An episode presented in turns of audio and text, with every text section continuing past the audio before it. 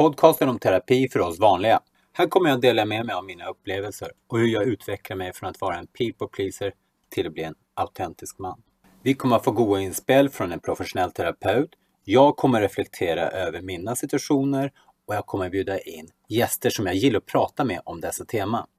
Vi snackar om att lämna illusionen, om den perfekta partnern, om hur strategier för att göra allt rätt misslyckas, hur det är när strategier kollapsar och hur vi tar oss tillbaka till verkligheten. Mitt mål är att ändra samhällskulturen där män uppträder som people pleaser till att hellre vakna upp och finna sitt autentiska inre.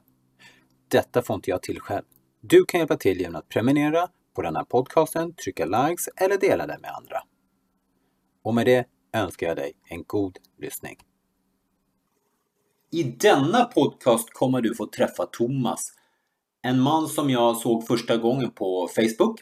Där han skriver frågor och quotes som träffade mig så pass hårt i hjärtat att jag bara ville ha mer av dem.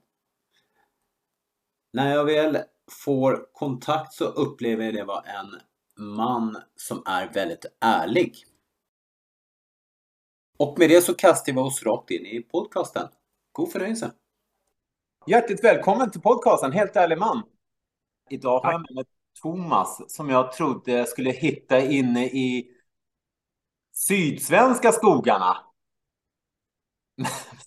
det stämmer inte. Nästan. Nästan. Nästan. Ja, du är i syd i alla fall. Ja, på andra sidan jorden. Andra sidan jorden. Har ni varmt? Ja, det är väl typ 28-30 grader där någonstans. Usch. Och du går ju mot kväll nu. Så ja, Det, går, det, det var därför jag ville ha mötet tidigt. Ja, just det. Just det. Ja, det tänkte inte jag. Jag hade inte en aning om det när jag tänkte på det. Nej, hur ska du veta det? Nej, hur skulle jag veta det? Det var ju du som satt med informationen.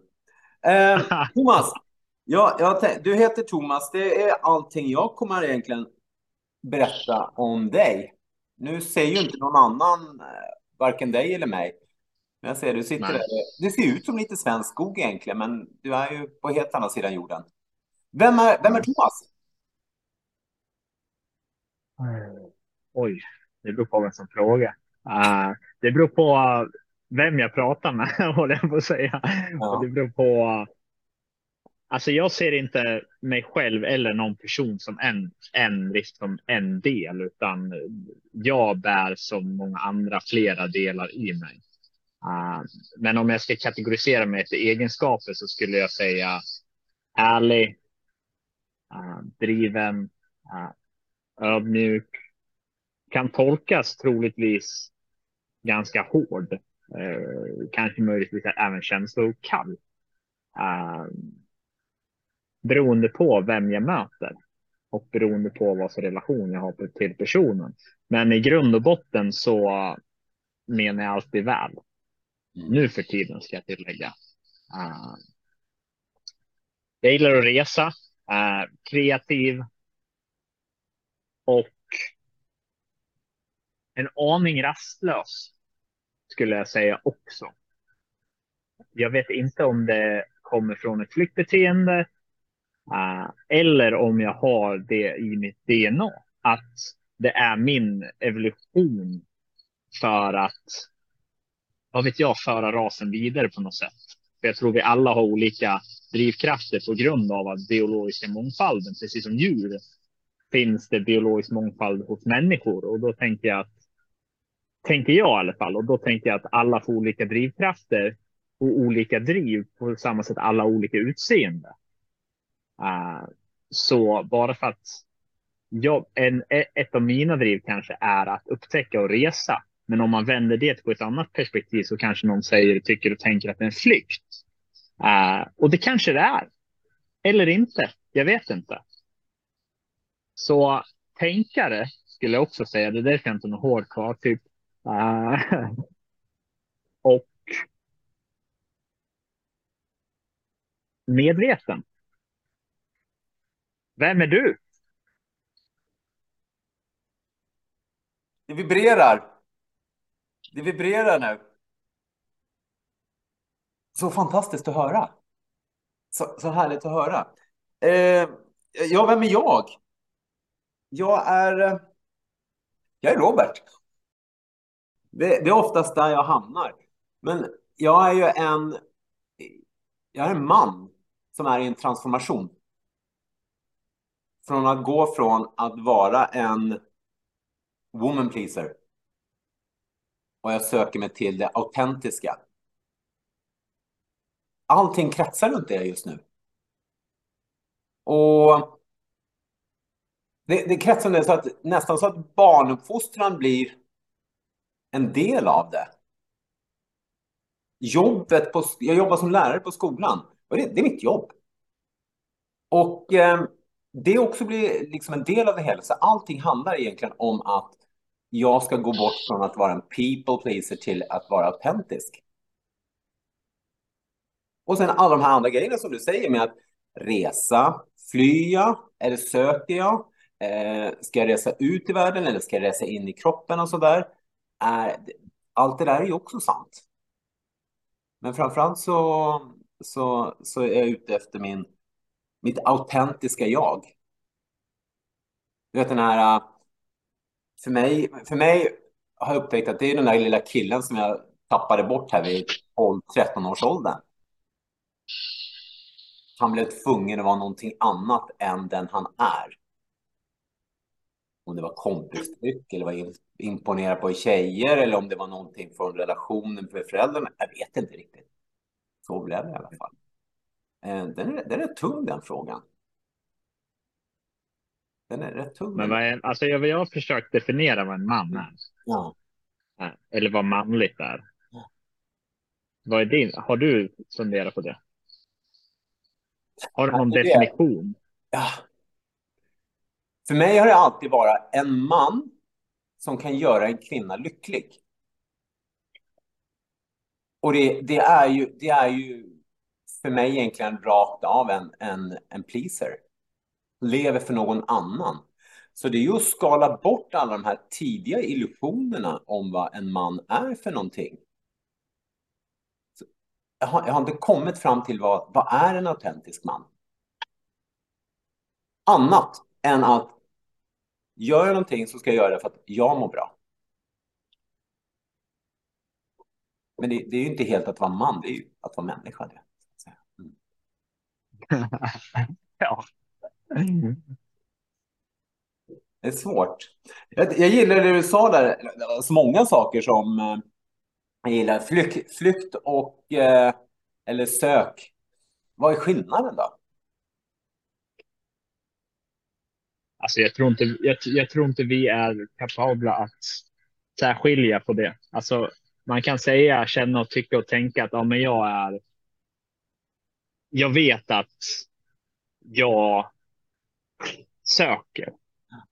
Uh, alltså om jag var mitt eget ego så hade jag sagt det. Det är hundra procent. Uh, så jag tänker att vad vi än tänker, tycker och känner uh, om oss själva och om vår egen identitet och om våra känslor och e-, egentligen allt så jag är väldigt osäker på om vi ens kan komma till sanningen om man om man väger av det med egot, om man väger av det med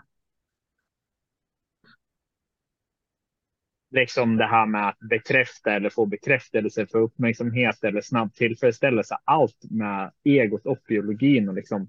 Jag har väldigt svårt att se att man. Att det, att det är att bestämma men det här är flykt eller det här är inte flykt. För när om det egot är med när vi är nere i källan så, så är egot redan uppe i köket. Ja. Tänker jag. Uh, så även om jag säger att ja, men det är ju för att jag. Jag gillar att äventyra. Ja, men under det så kanske det är för att ja, men det är för att jag flyr. Men Mm. vad är det jag flyr? Det är så här. Eller är det en flykt? Eller är det bara en biologisk. En biologisk slinga i mig som säger åt dig att du ska, du ska röra på dig. Det är ditt DNA. Du har inget val.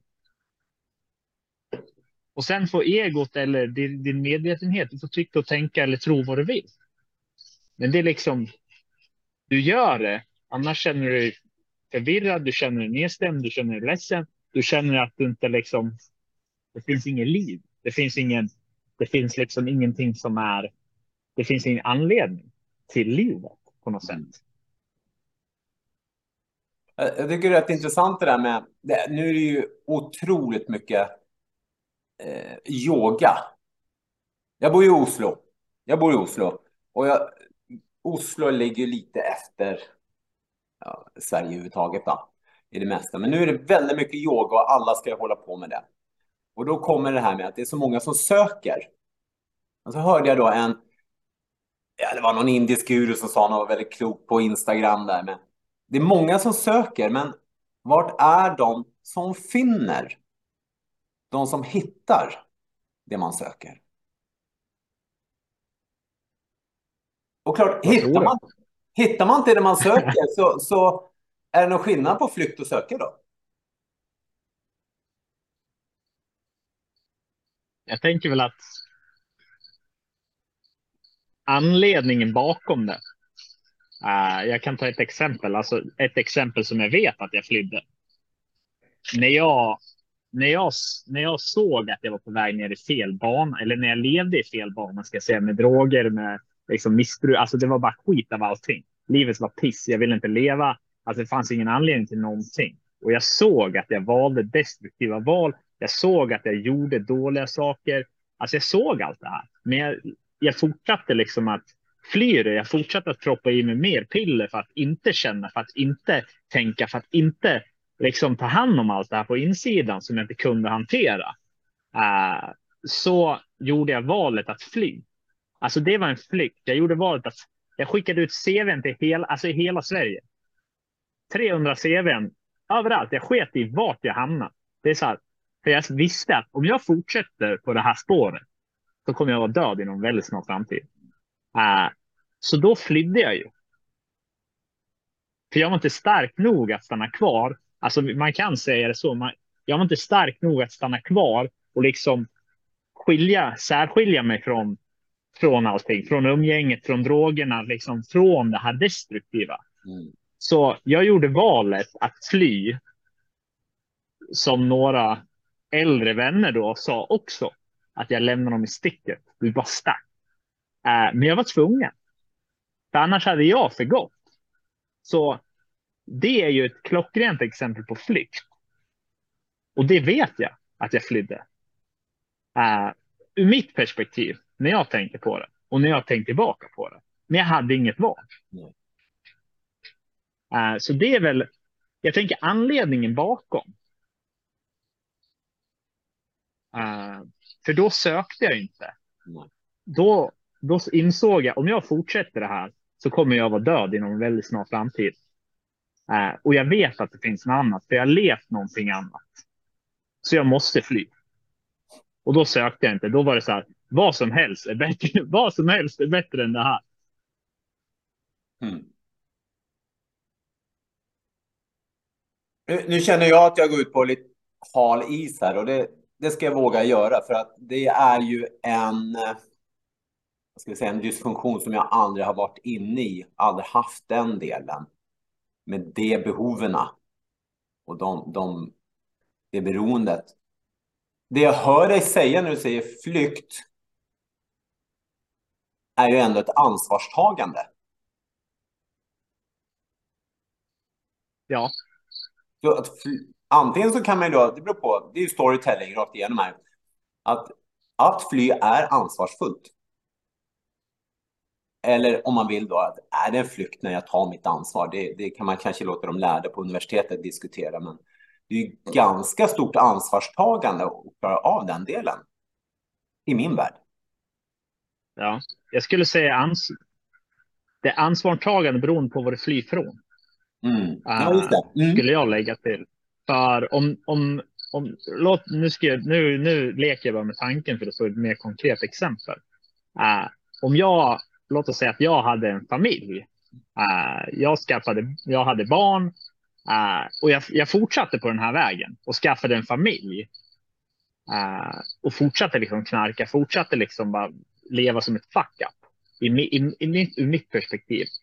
Om jag då valde att skita i familjen, alltså lämna mina barn, lämna kvinnan och sen bara sticka iväg utomlands. Uh, då, alltså ansvarstagande för, för familjen är noll. Ansvarstagande för livet i sig är noll. För någonstans har jag satt barn till världen. Då ska jag, tänker jag, då är mitt ansvar att ta hand om dem. Mm. Uh, men ansvarstagande i form av att jag gör det jag känner för och det jag vill och det som jag ser är min vision. Absolut. Men så fort det kommer, tänker jag, så fort det kommer en barn i ekvationen, då blir du nummer två. Och ditt egna ansvar och dina egna drivkrafter, dina egna motiv, de kommer, de, de borde komma på nummer två. Uh, tänker jag.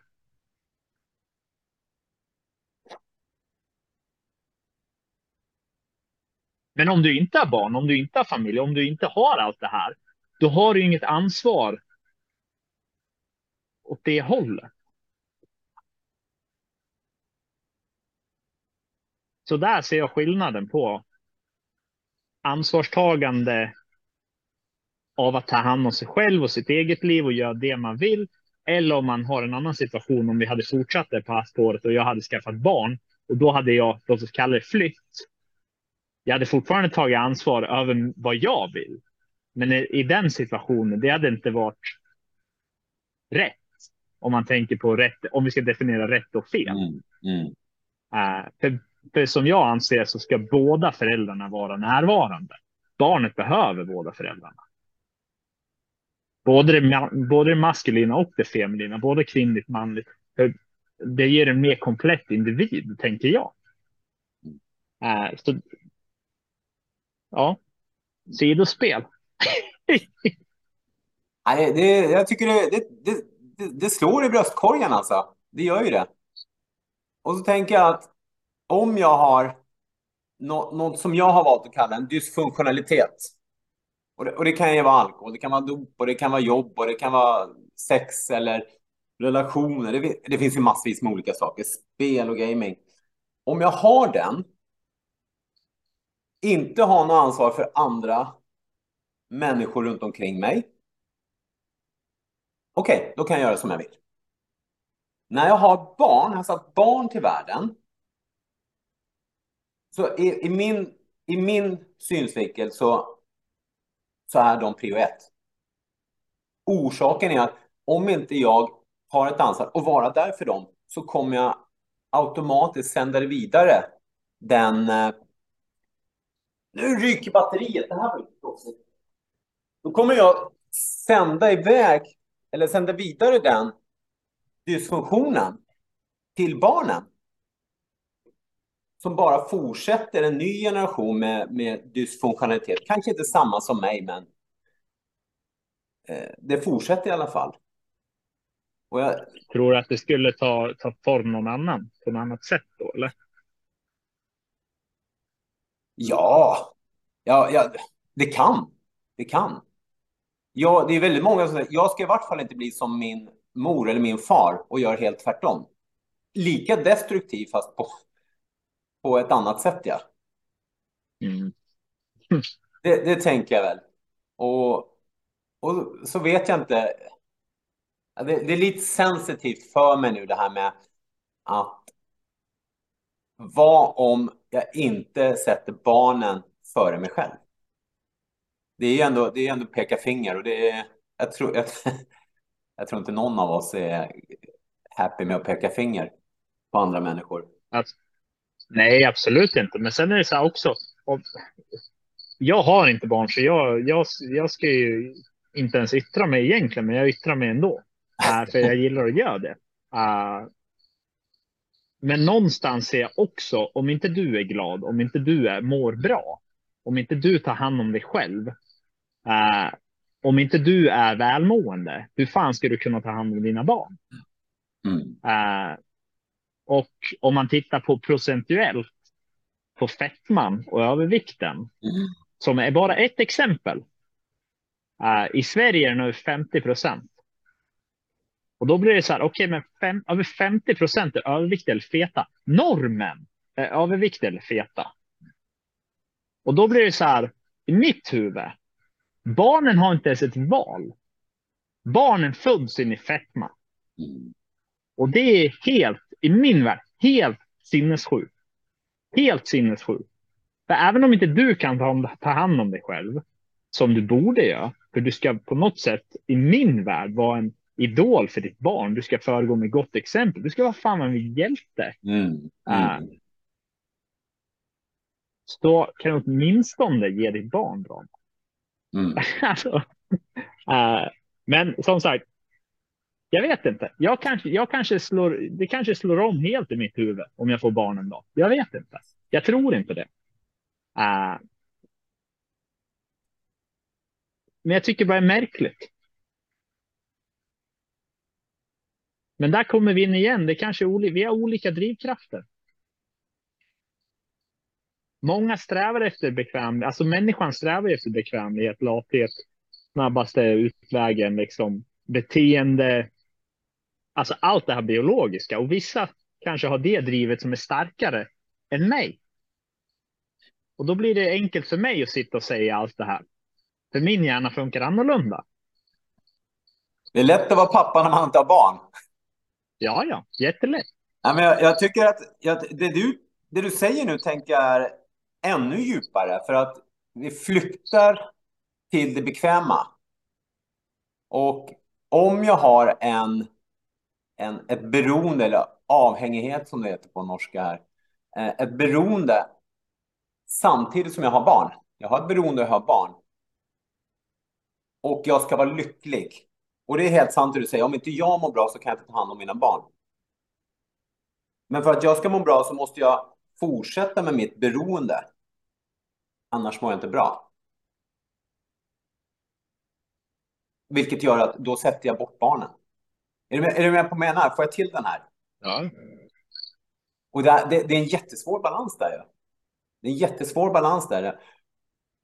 Eh, och till syvende och sist så är det ju människan, individen som bestämmer vad som är viktigast. Är det, är det alkoholen som är viktigast eller är det, jag vill inte säga alkohol, men gaming då? Som är viktigast eller barnen. Så den är tuff. Och, och så tänker jag att jag hade, jag hade en så superbra när du sa det med man och kvinna. Både man och kvinna ska ju vara en del av barnets värld. Hjältar. Är båda... Ja, i min, i min, ja. i min värld ska det vara det. Ska det vara så. Är båda hjältar i din värld? Ja. 100 procent. Mm. Hjält, hjälte för mig, det, det, är ju gärna han. Det är gärna pappan liksom som så räddar allting hela tiden. Lagar mm. cykeln och går sönder. Mamman jag, jag, får inte till den att bli en helt hjältinna. För en, en son i alla fall. Nu är, jag, nu är ju jag en son. Eh, men hon är då väldigt mycket mer omsorgsfull. Det kanske Man kan vara olika hjälte på olika sätt. Ja, hjältinna det också. Tänker jag. Alltså en hjältinna kan ju fortfarande, hon kan ju, som jag ser det, hon kan ju vara en hjältinna av kärlek. Alltså det behöver inte vara att hon ska lyfta upp något. Alltså hjältar ju olika krafter. jag ser det inte som att en superhjälte, ja, men det är Batman eller Robin, utan det är så här. Det är inte Stålmannen. Det är så här. Ja, men vi har olika krafter. Vi har olika egenskaper. Vi är bra på olika saker. Mm. Jag har kommit in i den här tematiken med maskulint och feminint väldigt mycket. Och jag har inte, jag har inte helt accepterat de positiva delarna med båda, bägge sidorna. Det är, det, ja. Jag såg idag... Hur går tankarna kring det då? Vad sa du? Hur går tankarna kring det då? Ja, jag, är, jag är bara på väg in i den processen. Och nu är det extremt mycket blaming jag ser runt omkring. Det är blaming mot det maskulina som är farligt och destruktivt. De tar inte hand om sina känslor, de pratar inte om sina känslor och de är inte mjuka och de är inte snälla och allt det där. Samtidigt som att extremt många börjar skrika efter det där robusta, starka, lite kalla, hårda. Så det, det, det, är så mycket blaming tycker jag. Och som jag upplever nu så är det väldigt mycket blaming på det feminina, att det är feminina som har vinklippt mannen eller tagit testiklarna. Att det är väldigt mycket eh, ryggradslöst. Och jag har lite svårt att komma ur det där. Jag är inte tillräckligt långt inne för att säga att det maskulina, positiva maskulina och det positiva feminina, vad det är för någonting. Jag har inte, jag har inte riktigt sett det ännu. Har du läst eh, David Day någonting? Oh yes. Starta där. Ja. Han, är, han är ju väldigt bra. Han har ju ganska bra idéer om det där. Ja. Uh, tycker jag. Men han pratar ju om mycket om att det maskulina är liksom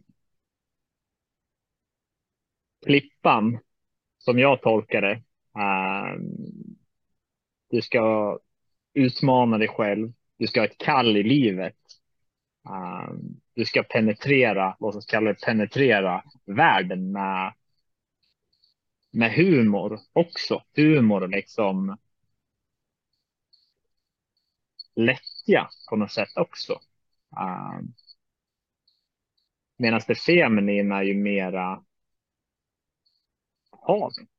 Uh, det är mera liksom en sekund kan den vara still och nästa sekund kan det vara 30 meter höga vågor. Uh, det är mer liksom det dramatiska, det är mer det känslomässiga, det är mer det stormiga. Uh, och någonstans så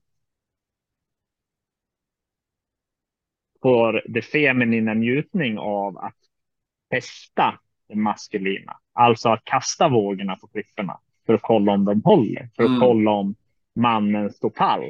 Uh, oh yes. Och det är någonting som han skriver om att de gör omedvetet. Det är ingenting de gör för att vara elaka. Det är ingenting de gör för att de är liksom bitchar eller något sånt. Det är så här, det gör de för att de är feminina. Det gör de för att de vill göra män bättre. Det gör de för att de vill ta fram det absolut bästa maskulina i mannen. Uh, och jag kan hålla med om alltså det som jag ser. Alltså det är fullt att sträva efter saker. Man ska inte utmana varandra. Man ska inte sträcka sig högt. Uh, man kan inte vara ärlig knappt längre. Man kan, man kan inte säga vad man tycker. Alltså allt är så jävla, alltså det maskulina blir extremt neutraliserat.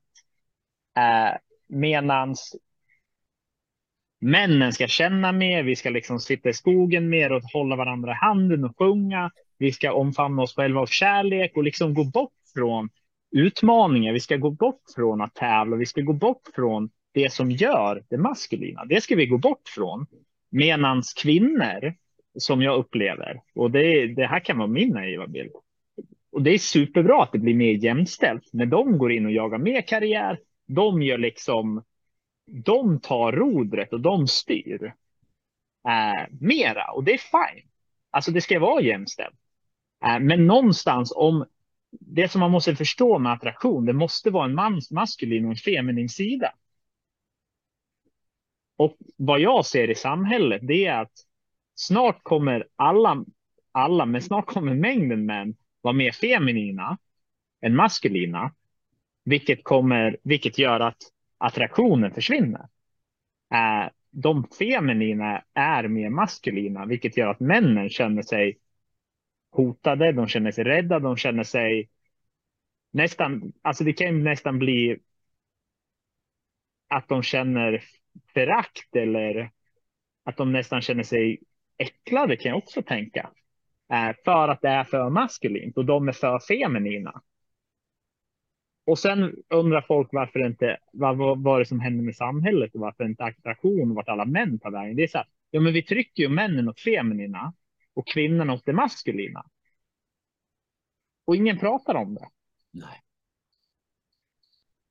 Och sen så fort någon öppnar munnen så ska man halshugga dem och säger att du, du, är, du är en mansgris eller det här är toxic, toxic masculinity. Det är så här. Men vi har inte ens ett parti för helvete. Alltså, det finns inte. Ja, men seriöst.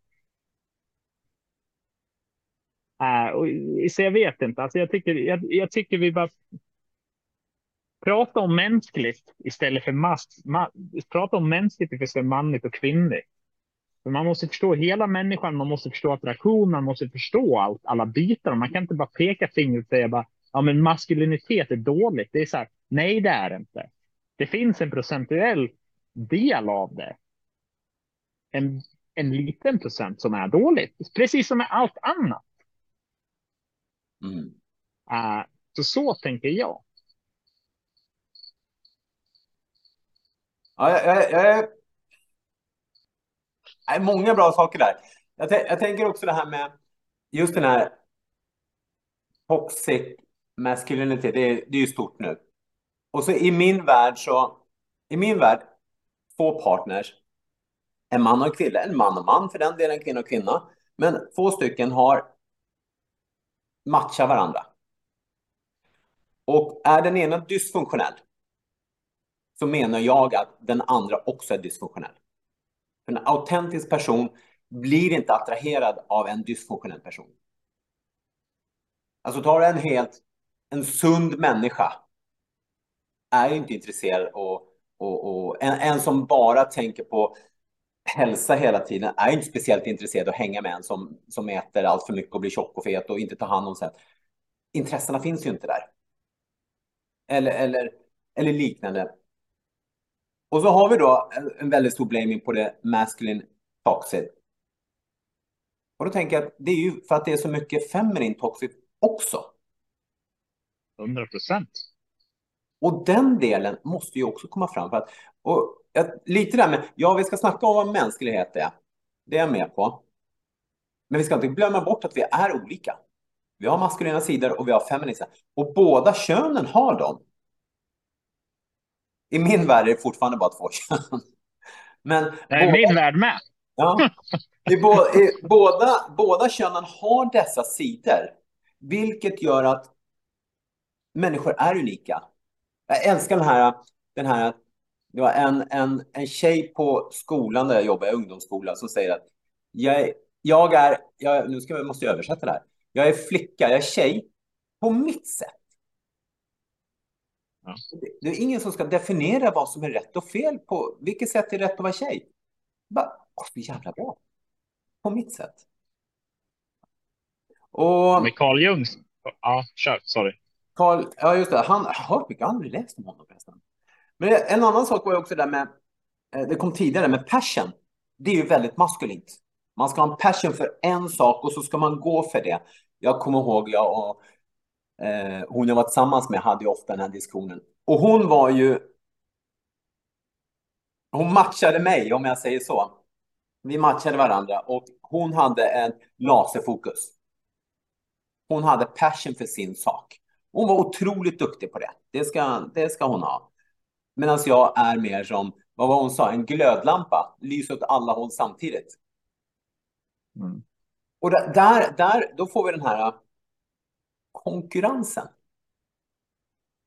Vi konkurrerar med varandra.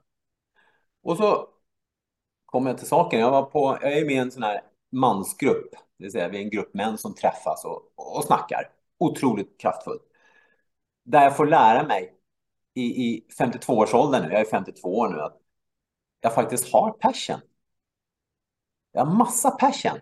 Men jag har inte passion för en sak, en unik sak. Jag har passion för många olika saker. Jag har passion när jag gör någonting. När jag sitter och snackar med min son om rädsla. Vad han är rädd för. Passion. När jag jobbar med elever och eh, svåra matematikuppgifter. Eh, jag har passion i det. Eller när jag står på, och, på kickboxning, jag tränar kickboxning, så när jag har säcken, du vet, resten av befolkningen där inne försvinner. Jag har passion. Men ändå har jag fått lära mig hela livet att maskulin, då har man ett mål. Gå mot det. Stenhård passion där. Och bara, jag har inte fått vara man på mitt sätt. Och i min värld så har det hjälpt till då att ta mig från det autentiska till då någonting dysfunktionellt. Jag får inte ta ut hela min maskulinitet så att jag är autentisk med det. Utan jag får en dysfunktionalitet. Och det var, en, det var en stor upplevelse att få känna att fan, jag har också det. 30 år sent kanske. Men nu fick jag den i alla fall. Ja, men grejen, du har väl inte... Det var väl bara att du förstod den? Ja, ja. Eller? Jo, jo. Jo, men och inte bara förstått det, men också var det liksom det här med att all den här blamingen jag har fått då, att jag inte har en passion. För det, det, alltså, den, alltså första gångerna gör det inte, men när man får en blaming på sig om och om igen så, så börjar jag tro på den i alla fall. Och nu var det lite sån här, vad ska jag säga, lite rättvisa vad skapa. Jag känner att ah, jag är inte dålig. Ja, jag kan faktiskt. För, det, den var, för mig var den stor i alla fall. Det var så. Jag tyckte det också var spännande när du sa det här med att kvinnan pushar mannen, testar honom hela tiden. Och det är ju så sant. Ser, nu ser jag det överallt. Hur kvinnan då, eller det feminina ska vi väl säga. Det feminina testar mannen hela tiden. Och klarar inte mannen att stå upp för det, ja, då är han ju inte autentisk. Tänker jag. Alltså, så var det för mig i alla fall. Ja. Men, det, men det, är också, det är också en väldigt viktig sak där, tänker jag, att är hon autentisk i sitt feminina när hon testar? Och det beror på hur hon testar och varför. Ska hon testa, är han man nog att passa på mig som kvinna? Kan han, kan han skydda mina barn? Eller testar hon på att hon ska bli bättre än honom? Är du med på skillnaden där? Mm. Och där kommer vi in i min värld. Då, då, har, vi då, då har vi den motsatsen, då, eller motpolen, den toxic feminine. Som är, eh, som är lika destruktiv. Den. Carl Jung. Men vad ser du den, vad ser du den gör med när du säger toxic feminint, Mm. alltså vad är det liksom, i mitt huvud kommer ju extremen, alltså FI ute på kanten, alltså de extremaste feministerna som finns som liksom har, alltså det är inte liksom, det är inte jämställdhet, det är mans hat. Ja. Är det där du är ute då och nuttar? Ja, inte så långt ut. Inte så långt Nej. ut, men, men det är den vägen. Eh, att nu har männen haft makten så länge, nu ska kvinnan ta makten. Det vill säga man, man bara förskyver makten, inte försöker få en, men vänta lite, kan vi inte heller få en, en jämlikhet? Vi är lika värda, men vi är ju duktiga på olika saker. En Men tror annan- du att människan kan bli balanserad? Nej. Alltså förstår du? Jag tror inte det.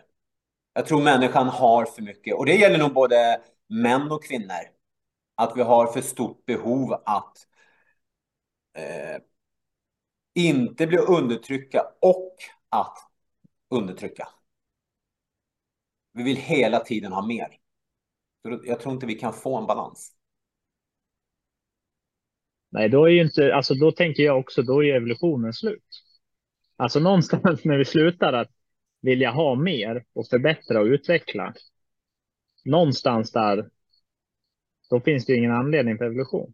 Alltså vår överlevnad stag, borde ju stagnera då, tänker jag. Ja, men Om har, det är så att vi stannar. har, har, har, om du tittar på naturen, då, lejonen, har de någon behov av evolution?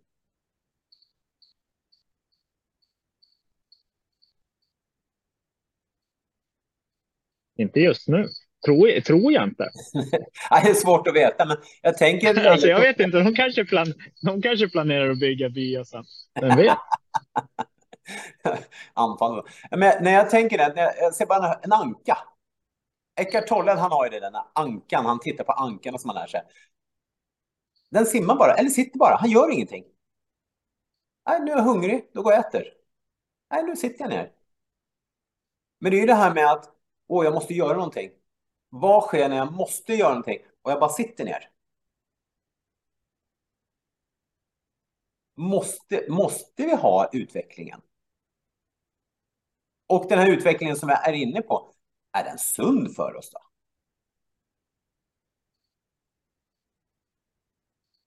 Det vet jag inte. Jag ser, jag ser ju hur, eh, hur... Jag, jag har bara jobbat i åtta år på skolan, men jag ser ändå en viss utveckling i barnen när de håller på med sina digitala verktyg. Och jag tror inte det är sunt. Jag tror inte vi håller på med en sund... Jag tror det är viktigare att komma ut i, vad ska jag säga, i intet. Det är ju så extremt många som åker på retreats nu. Man ska åka på ett retreat. Beklagar, vi hade en rolig diskussion en gång. Var tvungen att jobba så hårt, stressa, stressa, stressa, så att jag på fredag får tid till att åka på en retreat och vila upp mig. Ja. Det blir Det blir, vänta, vänta lite nu. Vad med om jag slappnar av lite i veckan då? Eller, eller jag har bekanta som jobbar så hårt och tjänar pengar så att de har råd att åka till, till eh, Madagaskar och fira tre veckor med familjen. Så de ska få kvalitetstid med familjen. Och liksom en kanske ska skita och jobba så hårt och vara lite med familjen istället. Gå ut och bryt, brottas lite med sonen. Det värdesätter han nog mer än att åka till vad man åker. Det nej, jag är inte helt säker på. Och jag tror att det mycket handlar om att människor inte är autentiska i sitt, sitt sanna jag. Men tror du det är någonting som utvecklas eller tror du någonting som finns? Inom det, tror du att du föds med, låt oss säga ett förprogrammerat eh, autentiskt jag eller öde eller vad, vad, vad man än nu vill kalla det. Ja, äh, jo, alltså... Tror att man föds med det eller tror det är någonting som utvecklas? Eller tror någonting man, låt oss kalla det då, hittar?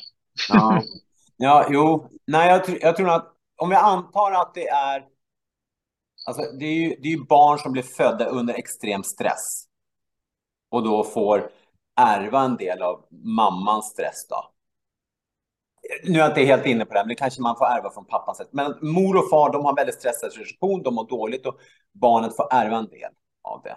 Då tror jag man har lite av det dysfunktionella redan från barnsben.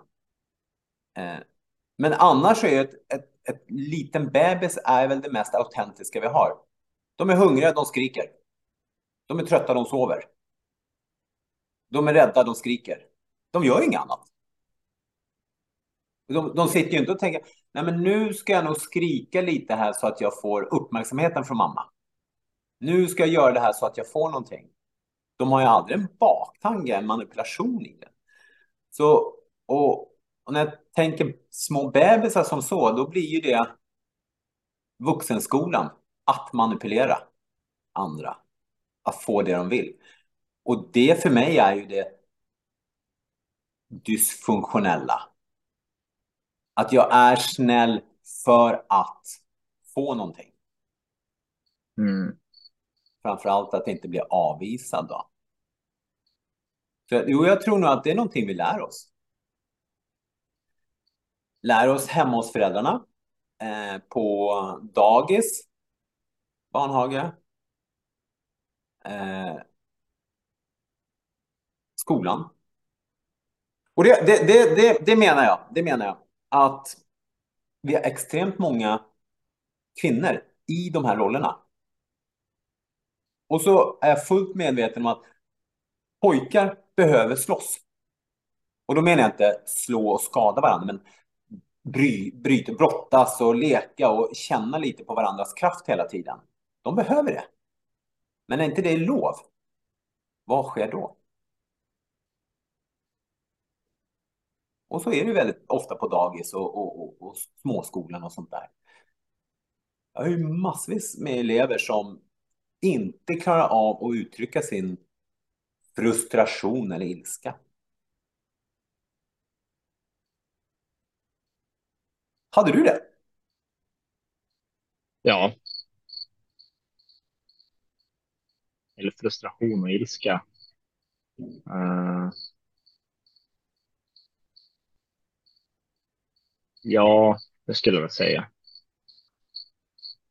Alltså sätt att få ut det.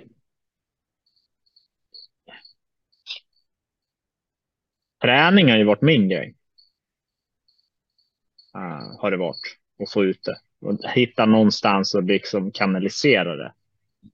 Uh, för jag, jag, har ju, jag har ju tidigare i mitt liv har jag alltid hållit allt på insidan. Liksom. Mm. Uh, jag har bara satt ett stenansikte och sen har jag bara tagit och lagt locket på hela tiden. Så då blir det att det byggs upp väldigt mycket.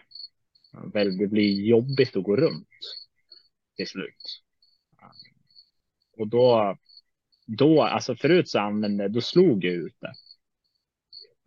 På, på andra liksom. Det är inte så smart så här i efterhand. Uh, utan uh, det är klokare att, för mig i alla fall, att träna hårt, Ehm, skriva, ehm, hitta andra sätt att få ro. Alltså meditera funkar också ibland. Ehm, men att, hela, att försöka hitta verktyg som För jag har en konstant energi som byggs upp inom mig och den, liksom, den byggs upp och om jag inte tar hand om den, om jag inte gör någonting med den, alltså då blir det som, jag vet inte, det känns som jag ska typ explodera. Uh, men så länge jag underhåller den och tränar och liksom skriver och ibland mediterar och rör på mig framför allt, uh, då håller jag det på en rimlig nivå.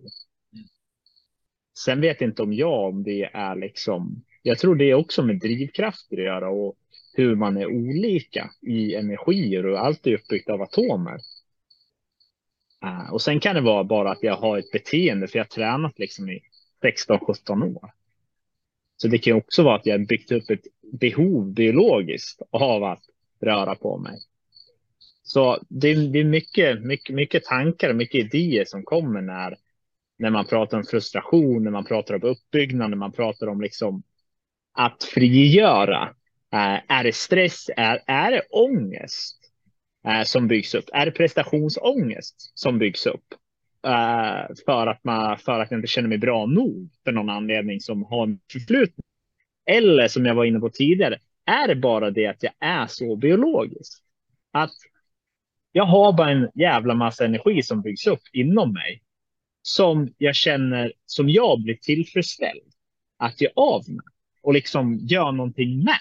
Är det min gåva till, låt oss kalla det universum eller vad man nu ska kalla det. Istället för att säga, ja men det är stress eller det är ångest och det är dåligt. Det är så här, ja det kanske inte alls är det. Det kanske är bara, jag funkar så här. Uh, och det byggs upp inom mig för att jag ska frigöra det på konstruktiva istället, istället för destruktiva. Och destruktiva, det är liksom ja, men slå någon på käften som inte förtjänar det och, och leva som en pirat. Uh, och bryta lagar och liksom bara vara, vara en dålig människa. Eller ska jag skapa någonting av energin? Ska jag träna? Ska jag skriva? Ska jag skapa ett företag? Ska jag liksom måla? Ska jag skriva böcker? Ska jag skriva musik? Ska jag liksom, ska jag ge, ta ut all den här energin och göra någonting med den, bygga? bygga ett hus. Uh, så det är många olika perspektiv man kan ha på allting. Och ju mer jag snurrar på saker och ju mer jag funderar på sådana här saker, det är, ju mer inser jag att har någon ens en aning? Mm. jag tror ingen vet. För alltså allt vi kommer fram till i forskning, eller mycket vi har kommit fram till i forskning för 100 år sedan, för 50 år sedan, för 20 år sedan, är helt åt helvete fel. Vi är lobotomerade människor. För typ 30-40 år sedan. Och det, blev, det var fel. Men tänk så här. Tänk om allting som vi har baserat universum på, som vi vet, är fel. Ja. Tänk om all forskning är fel. Så vi har baserat hela mänskligheten, hela livet, allt som vi kallar fakta. Det är fel. Och vi har byggt ett felkonstruerat hus och det är ju möjligt. Alltså det är rimligt. Ingen har en aning. Alltså skönt. Ingen som vet faktiskt. Ingen som vet. Det enda vi gör, vi, gör, vi har inte ens professionella gissningar. Det enda vi kan göra är att gissa. Ja, ja, ja. vissa ser att de är professionella för att de har ett certifikat. ja. som kanske är baserat på en bluff. Ja, ja, ja. Alltså, jag, jag kommer att tänka på en gång, jag var ute och gick här i, i skogen. Jag bor ju i skogen, ja. Och så jag var ute och gick. Och så har jag mycket det här med att jag, jag övertänker väldigt mycket. Det gör jag. Och så tänkte jag att ja, men nu, nu är jag inne i de här tankarna. Jag kanske bara ska lyssna lite här. Ut och gå. Och det är alltså ett momentum på kanske två sekunder. Där jag hör så mycket ljud. Jag hör fåglar som är långt, långt borta och jag känner fuck, är det här som är att vara medveten? Att vara medveten i nuet liksom. Aldrig hänt, aldrig hänt, aldrig hänt efteråt och innan heller för den delen. Men det var otroligt häftigt. Men det är lite där med all den här kunskapen man har. Ah, det är bara en massa katter. Gå ut och skogen, sitt ner och känn efter. Då, då kommer nära sanningen, tänker jag då. Men jag tänkte, du skriver. Har du alltid varit skrivare? Nej. Uh, jag började skriva när eh, jag lyssnade på någon bok uh, som sa att skriv ner det du tänker och känner så slipper du höra det. För tidigare när jag var yngre och fram till jag var kanske 23, 24, så ofta på kvällen när jag skulle gå och lägga mig så hörde jag en massa röster. Uh, som sa att jag var ovärd, som sa att jag var fet, som sa att jag var ful, som sa att jag var värdelös. Uh, och det var ju så här, det var ingen som, det var ingen som hade sagt det till mig, utan det var här en sak som jag hade sagt till mig själv. Uh, som jag hade byggt upp under åren. Mm. så jag testade den där grejen då. Och det här var i samband med att jag flyttade till Göteborg när jag berättade tidigare när jag skickade ut 300 CV bara för att sticka. Mm. Så jag slutade, jag slutade liksom med piller då med i samma veva. Så allt jag hade flytt, all skam, all skuld, all ångest, allt det här skiten som jag hade skapat också när jag levde det här livet. Det kom ju också till mig. Så det var inte bara att jag det här som var innan, utan allt alla mina val under den här tiden och allt jag hade gjort och alla människor jag hade sårat och skadat och liksom betett mig dumt åt. Det kom ju också som en bonus. uh, så då tog jag det där tipset i alla fall. Uh, och skrev ner. Jag började bara skriva ett block. Och sen skrev jag och skrev och skrev och skrev. Alltså jag bara skrev och sen började jag gråta. Jag fortsatte skriva. Och allt jag skrev, jag bara, jag hatar mig själv. Alltså allting kom ut. Typ du är ovärd, ingen vill ha dig, du, du är inte värd att leva. Alltså, det var inget vackert. Alltså ingenting fint. Uh, ah, men sen, jag satt och skrev, jag vet inte. Alltså det kändes som en evighet. Uh, men sen den kvällen, det var första gången på, jag kommer inte ihåg hur lång tid som jag låg där utan att höra att jag var värdelös, utan att jag hörde att jag var ovärd, utan att jag hörde att jag var misslyckad, utan att jag hörde att jag ingen ville, ingen älskar mig, att jag bara var kass. Uh, så det var väl där jag började. Och bara skriva ner vad jag tänkte och kände. Utan att tänka något speciellt på det. Sen eh, gjorde jag väl det ett tag. För att bara försöka rensa. Uh, och sen lär jag väl ner pennan kanske efter, jag vet inte, ett halvår kanske. Och sen var det väl egentligen åtta år senare som jag började skriva om en ren slump. Eh, jag gick in i en bokbutik, började prata med en kvinna som satt där. Som var då författare och hon hade nog bokprojekt som hon sa, men jag tycker du ska börja föreläsa och skriva böcker. Då frågade jag hur jag gör det? Och då sa hon, ja men du kan ju börja med att gå med i det här projektet. Och sen började på den vägen. Sen samtidigt som jag skrev den boken med dem, med åtta andra då som var Alltså, vi var ama glada amatörer, det är jag ju fortfarande, men då hade jag inte skrivit knappt någonting. Äh. Men då började jag skriva det och sen började jag skriva ner mitt eget liv, liksom bara som en dagboksform. Äh. Och under den tiden, alltså jag har aldrig gråtit så mycket i hela mitt liv. Äh, jag hade så mycket, jag hade så mycket ångest, jag hade så mycket skuld, jag hade så mycket skam, jag hade så mycket sorg. obearbetat eftersom jag sa tidigare också. Jag hade bara tryckt ner. Jag la bara locket på hela tiden. Ett stenansikte och locket på. Det bara tårarna sprutar på insidan. Uh, men då kom allt, eller allt, men mycket kom ut då liksom. Och jag grät bara. Och jag skrev och jag grät och det gjorde så jävla ont. Jag gick igenom en separation liksom. Alltså det var bara en mardröm. Allting var en mardröm och jag skrev ner allting. Mm. För att befria mig själv från det. Och sen fortsatte det bara. Att skrivas liksom. Inte för att. Mest för att ta hand om mig själv. Mest för att förstå mig själv. För att det är som träning för mig. Fysisk träning. Jag tar hand om min kropp. Jag måste ta hand om mitt sinne. Så när jag skriver, det lär mig att tänka bättre. Det får mig att ifrågasätta saker. Det får mig att se på saker på andra sätt. Jag kan acceptera saker. Ah, jag kan förstå mig själv och mina egna brister. Jag kan se mina beteenden. Jag kan ifrågasätta mina egna tankar, mina känslor, uh, mitt förflutna. Och jag kan liksom ta ut guldstenar av, av alla mina fuck-ups, alla mina misslyckanden, allt destruktivt, allt dåligt. Det kan jag dela med mig av och ge till världen. Och få någon annan att känna, tycka och tänka bara shit vilken idiot, men fan, jag känner också så här. Uh, och jag är inte ensam. Alltså bara den grejen att någon läser någonting och känner fan jag är inte ensam. Jag känner det är någon som har gått igenom något liknande eller snarlikt och, och känner som jag gör. Och det, det är väl det, något av det finaste som har kommit tillbaka. Att mitt skrivande kan få folk att inte känna sig ensamma.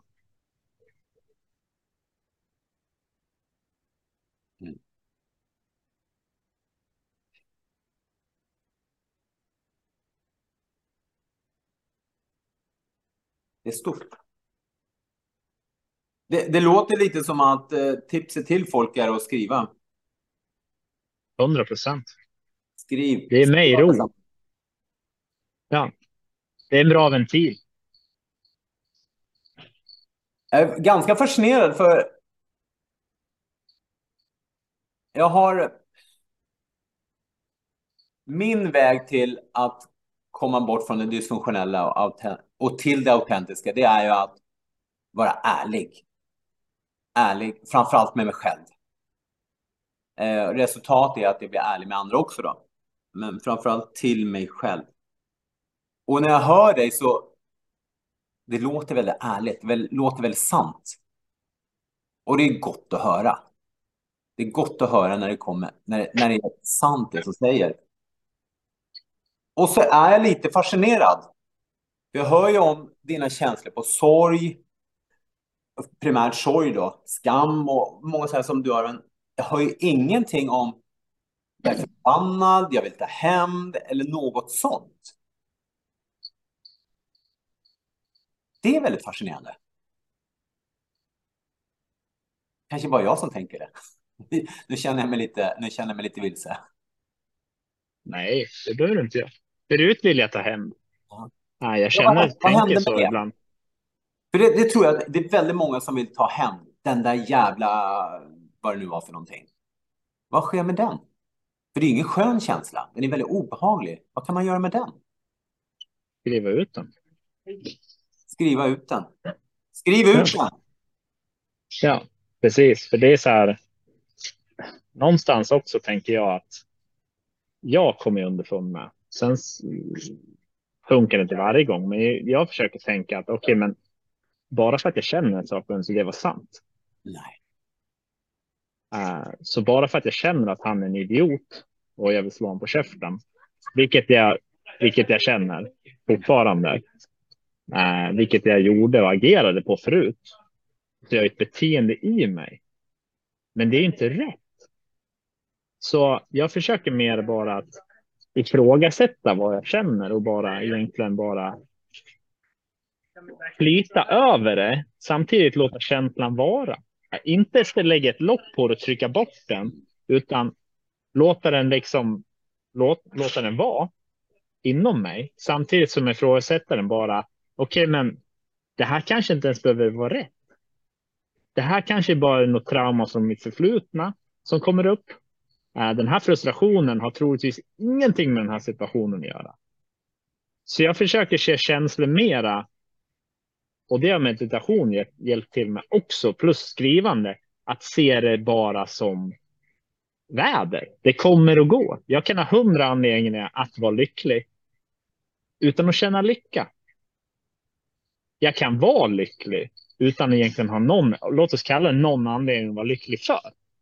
Jag kan känna sorg fast jag inte har någon anledning för det. Jag kan känna frustration eller sinnesro i en stund där jag inte borde göra det.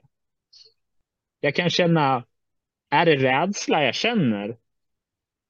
Är det ångest eller är det exaltering? Så det är så här, känslorna är helt fantastiska.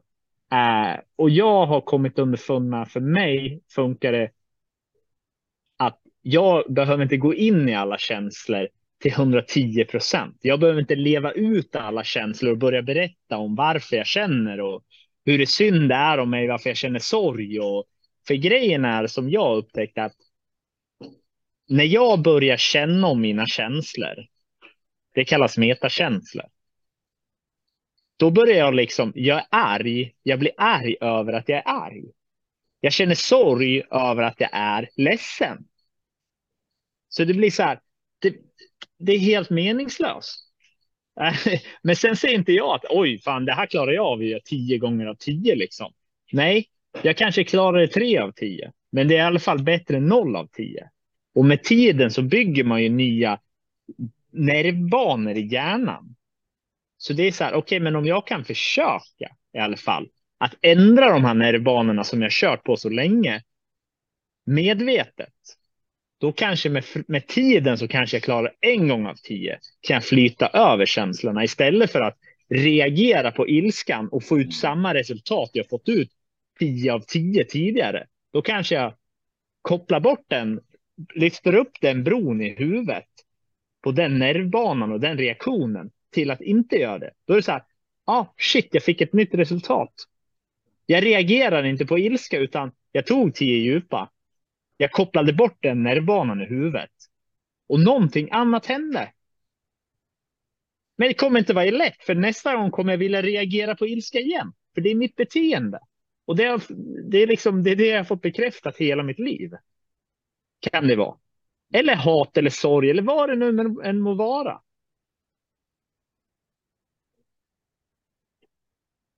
Mm. Jag ska bara byta hörlurar. Vad sa du? Jag ska bara byta hörlurar. Ja, du har det teknologiska du också. Det är bra. Det är stort att höra. Jag, jag, jag, jag träffade ju dig innan du träffade mig. Och det var ju på Facebook, för du skrev ut någonting, några texter som jag... Och det är precis det där du säger, liksom, jag kände igen mig. Inte exakt, men det var något liknande. Och det kändes ju väldigt, väldigt gott. Och det, det tycker jag var... Eh, jag tycker det var fint för att eh, det är inte så ofta man får en man som skriver om hur det är. Och när... Vi har inte lärt oss det. Nej, kanske det. Kanske orsaken, men jag menar, kvinnor gör det och det känns Alltså jag kan inte se orden och de är jättebra alltihopa, men det tar inte. Det tar inte på samma sätt. Och det tycker jag, det, jag tycker det var väldigt gött. Det var gött att läsa det. Eh, de här små texterna. Du sände ju ut några sådana små texter lite här och var. Och det, det är fint att få, fint att få dem där. Eh, det blir lite mer fälleskap det är väl ett norskt ord tror jag. Vad heter det? Gemenskap. Det blir en mer gemenskap. och läsa dem faktiskt. Det gör det. Och jag, jag, tycker det, det saknar jag väldigt mycket i, i mitt liv. För att alla de här mans connections, communities med män, det handlar om business hela tiden. Mm. Ja, visst, det, det är bra, jättebra. Men jag vill ha Min terapeut sa till mig, Robert, du är så jävla klok. Det är fantastiskt hur klok du är. Men vem fan är du? Och jag vill ha den här människan där jag känner att vem är du Thomas? Ja, ja, ja, du har gjort allt det. Men vem är du? Är du med på det? Jag vill ha ett sånt community. Jag vill ha när människorna, när männen vågar vara män i sorgen, i misslyckanden, i glädjen, i vinsten, i styrkan, i den de är. Så jag vill ha ett sånt community och när, det känns lite som att eh, när jag läser de här så är jag en liten del av det då. Så det är rätt häftigt. Tack, tack ska du ha till det.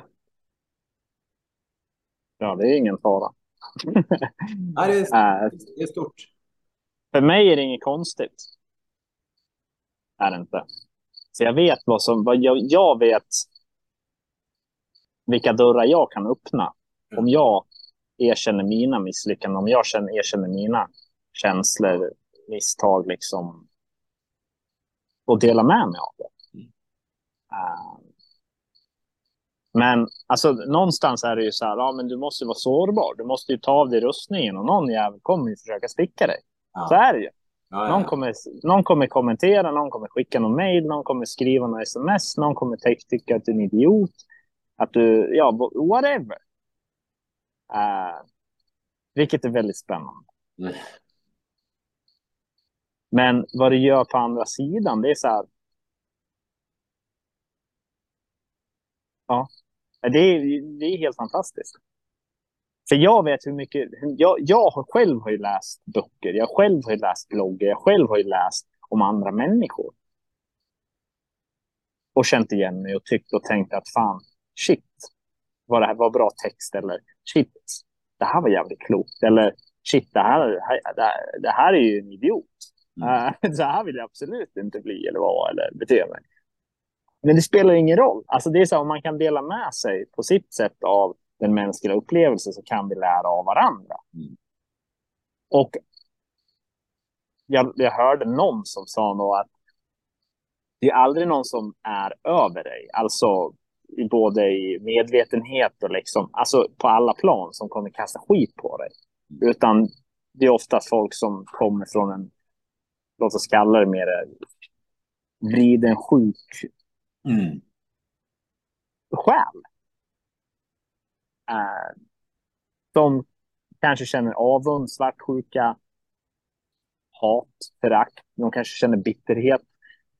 Eh, mitt agerande kanske påminner om något traumatiskt de har varit med om. Och det är så här, det är, det är supertragiskt. Mm. Men är det inte också ganska naturligt för att jag tänker att de som har det sämre än mig, de har mer av det det, det mörka i sig. Ilska kanske, svartsjuka. Och de behöver få ut det. De har ja. mer behov av att få ut det. En som är mer upplyst än mig har inte så mycket som man behöver få ut. I relation till mig. Eller, ja, eller så låter han bara blixtra på insidan. Ja. Jo, han är lite mer... Tills han träffar någon som är över honom. Ja. Så jag, jag tror det är ganska naturligt. Det. Uh, hur, jag kommer att tänka på en sak här. Vi ska, vi ska dra en liten final här strax. Men jag vågar ju säga att vi har, har och haft olika sorters dysfunktionalitet. Nu är lite mode att säga vi då. Uh, jag känner obehag att jag säger det också. Det är intressant att jag säger vi. Jag, går, jag backar bandet lite. Jag, säger, jag har haft en dysfunktionalitet och levt med den i väldigt många år. Tills en dag jag fick det riktigt ont. Jag förstod inte då att den här dysfunktionaliteten var orsaken till smärtan. Det fick jag efteråt. Men när jag fick det ont, när jag fick så ont att då började ta tag i saker. Jag började undersöka med mig själv. Och som jag har förstått det så, eller min filosofi i alla fall, vi gör inga förändringar innan vi får ont nog. Innan jag har fått Amen. det, så har jag det så här lagom bra så behöver jag inte ändra på någonting.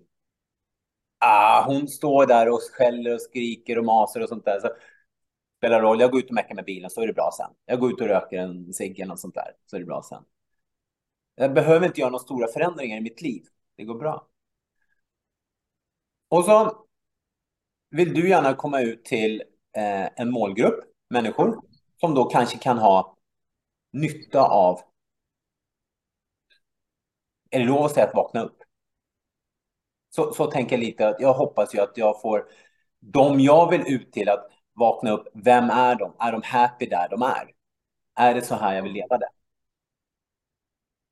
Och jag tror inte alla lever som de vill, som de verkligen vill leva då. Men hur får jag vi tror att alla är menade att leva det. Vad sa du? Jag tror att alla är menade att leva som du tror att de tror sig vilja. Nej, jag tror ju att eh, jag tror, jag tror lite på det här filmen Matrix. Det är ganska fascinerande hur stort det är nu, men det är väldigt många som aldrig bryr sig, aldrig kommer att bry sig. De, är, de, ska, bara, de ska bara vara. Lite sävflocken då. Mm.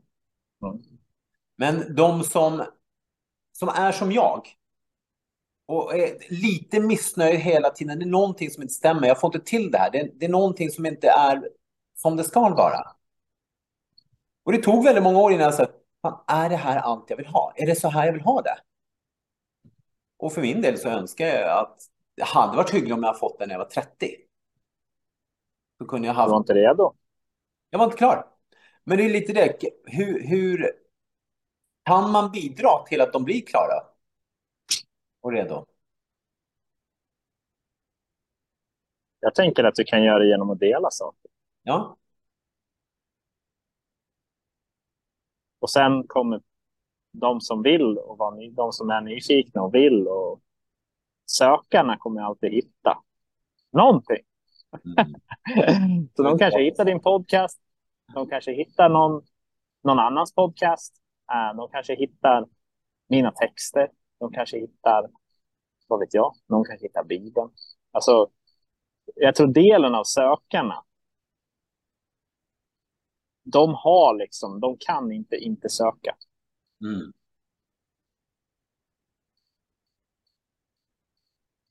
Det ligger i dem, ja. Jo, jo, jo, jo. Mm. Oavsett om de har ont nog eller om de är tidigare i stadiet. Du, jag fick en annan sån här liten... Nu, nu, nu blir det kanske lite privat här. Eller väl hela tiden, men när du får komplimanger för det du gör. Hur känns det? Jag är generellt dålig på att ta komplimanger. Uh, dålig på ord. Dålig på ord? Ja, men alltså, alltså få ta värdering i orden av folk säger att de är shit, fan vad smart du är eller vad bra jobbat eller vad det nu må vara. Uh, och det tror jag är för att jag, alltså tidigare blev jag ju mobbad under en viss del. Alltså det var inget så här traumatiserande som jag håller kvar i vad jag tror och vet och känner och tycker och tänker. Men sen är det så här generellt livet har gjort att jag har svårt att ta ord till mig. Eh, speciellt positivt beröm av någon konstig anledning. Negativt har jag enklare att hantera. Då kan jag göra någonting med det positivt, det är så här, men ge mig någonting jag kan förbättra. Så, eller om det bara är från skolgången, att alla tester man har gjort, alltså allting har ju alltid varit förbättring. Och alla böcker jag läst har alltid varit du ska förbättra. Och allting, alltså jag har ju programmerat min hjärna efter förbättra. Jag har ju inte programmerat efter, ja men det är bra. Som det är. Så det beror på vilket perspektiv och det beror på vilken bana. Alltså de kan ha multiplicerat varandra också. Det är fullkomligt rimligt. Uh, sen är att jag jobbar som säljare förut också kan jag också ha en, liksom, en, en, eh, en, en del av den liksom, ekvationen. Så men generellt är jag extremt dålig på att ta till mig positivt beröm. Mm. Men ibland känner jag det till mig själv. Det jag ger är sällan till mig själv också, men ibland känner jag det till mig själv. Uh, men då kan det komma som att jag får en tacksamhet på det. Att shit, fan vad tacksam jag är för vad som är, vad jag gjort och vad, vad jag upplevt och liksom allt det här. Men det är väldigt sällan. Jag är mera, nu gör vi nästa. Den här boken är klar, jag är redan börjat på nästa. Mm. Uh, alltså det är bara konstant. Hur är du då? Jag fick en, jo, jag fick en komplimang här för några veckor sedan av en, eh, av en väninna. Jag vet inte alls vad vi pratade om, men hon sa det att det är för att du är så mycket man. Och det, det, det var, det var inget liksom eh, sensuellt eller sexuellt bakom det, liksom, men du är så mycket man. Och det första reaktionen var, jag hur ska jag skoja bort det här? Jag ser tankarna. Hur ska jag skoja bort det här? Ja, ja. Hon menar ju ändå inte det. Hon säger det bara för att jag har en liten tuff period nu. Jag behöver få upplyftande. Så hon säger bara det för att vara snäll med mig. Och det här är ju loppet av några sekunder bara. Och så kommer det här. Fan, ja, hon, hon kanske menar det. Hon kanske menar det. Är det sant? Och jag har aldrig haft dem meta då. Men det, det är nog generellt sett det där. Jag tänkte det att jag är också dålig att ta komplimanger. Framförallt ord. Fysiska handlingar, eh, det kan jag ta mycket bättre. Och jag tror däremot att min bild av mig så är inte de här komplimangerna, det är inte transparent med hur jag själv ser på mig, så de är inte sant. Min Nej, bild det kan vara så enkelt. Min bild av mig är att när de säger någonting negativt om mig, ja men det är ju sant. Jag, jag kan inte det där. Jag kan inte stå på händer. Jag har inte passion. Jag är inte smidig i, i, i yogasalen. Så att det blir sant och då är det mycket lättare för mig att ta till mig det. Ehm. Och så vill jag bara tillägga då att eh, det där med att stå på händer så har jag idag stått på händerna för första gången. Själv. Snyggt. Yes. Jag tänkte bara poängtera det så att alla som är där ute hör att jag har stått på händerna. Ja, grymt jobbat. det är små vinster hela tiden. Thomas, jag ska fortsätta min dag. Du ska fortsätta. Du är natt där hos dig nu. Ja, jag ska gå och äta. Ska... Det är på min plan. Du ska plan. Eh, var hittar folk dig någonstans? Uh, Facebook är väl enklast. Thomas Öberg. Alltså min författarsida. Instagram är jag inte så aktiv på. Eller min hemsida thomas-oberg.se. Där uppdaterar jag logo, nyhetsbrev och sådana saker. Cool. Vart hittar de dig? Är det det? Jag har inte ordnat med det. Man kan inte hitta mig. Jag har en, en mail. En mail ja. har du. Du sänder en brevduva till Siggerud. Nej. Kör röksignal. Ja, ja. Jag har, eh, jag har ju en hemsida, men jag har inte börjat eh, vad ska man säga, gå ut mycket med den än. Och jag har förstått att man måste göra det för ifall någon har frågat någonting så att det ska bli. Här är universum som berättar att det är dags att ta tag i den. Vad sa du? Universum berättar just att du ska ta tag i den. Ja, jo, jo. Men jag är lite, jag är lite dövörd på just den här saken. Jag har ju lite aversioner mot Facebook och Instagram och... Ja, ja, ja, ja det kan man ha. Men jag måste ändå, okay. jag måste in Ja. Jag, jag ska också sätta um den. Thomas Öberg. Och för, jag vet ju att det är en del eh, norrmän som lyssnar, så är det ett svenskt ö. Det vill säga en ring med två prickar. Lycka till med den. Ja. Thomas, det var hyggligt. Njut solen imorgon. Nej, du har inte så mycket sol. Ja, det ska jag absolut. Jo, sol och surf. Sol och? Sol och surf. Vågsurf. Ah, jag är glad att du sa det. Jag ska njuta. Du surfar också. Dyker, dyker du? Nej, inte än, men det kanske kommer. Ja, ja. ja den är också värd. Den är värd. Nej, ut och njut av det. Ja. Tack ska du ha. Det var hyggligt att snacka med dig. Detsamma. Tjing tjong. Tjing tjong. Vi hörs. Ja, hej.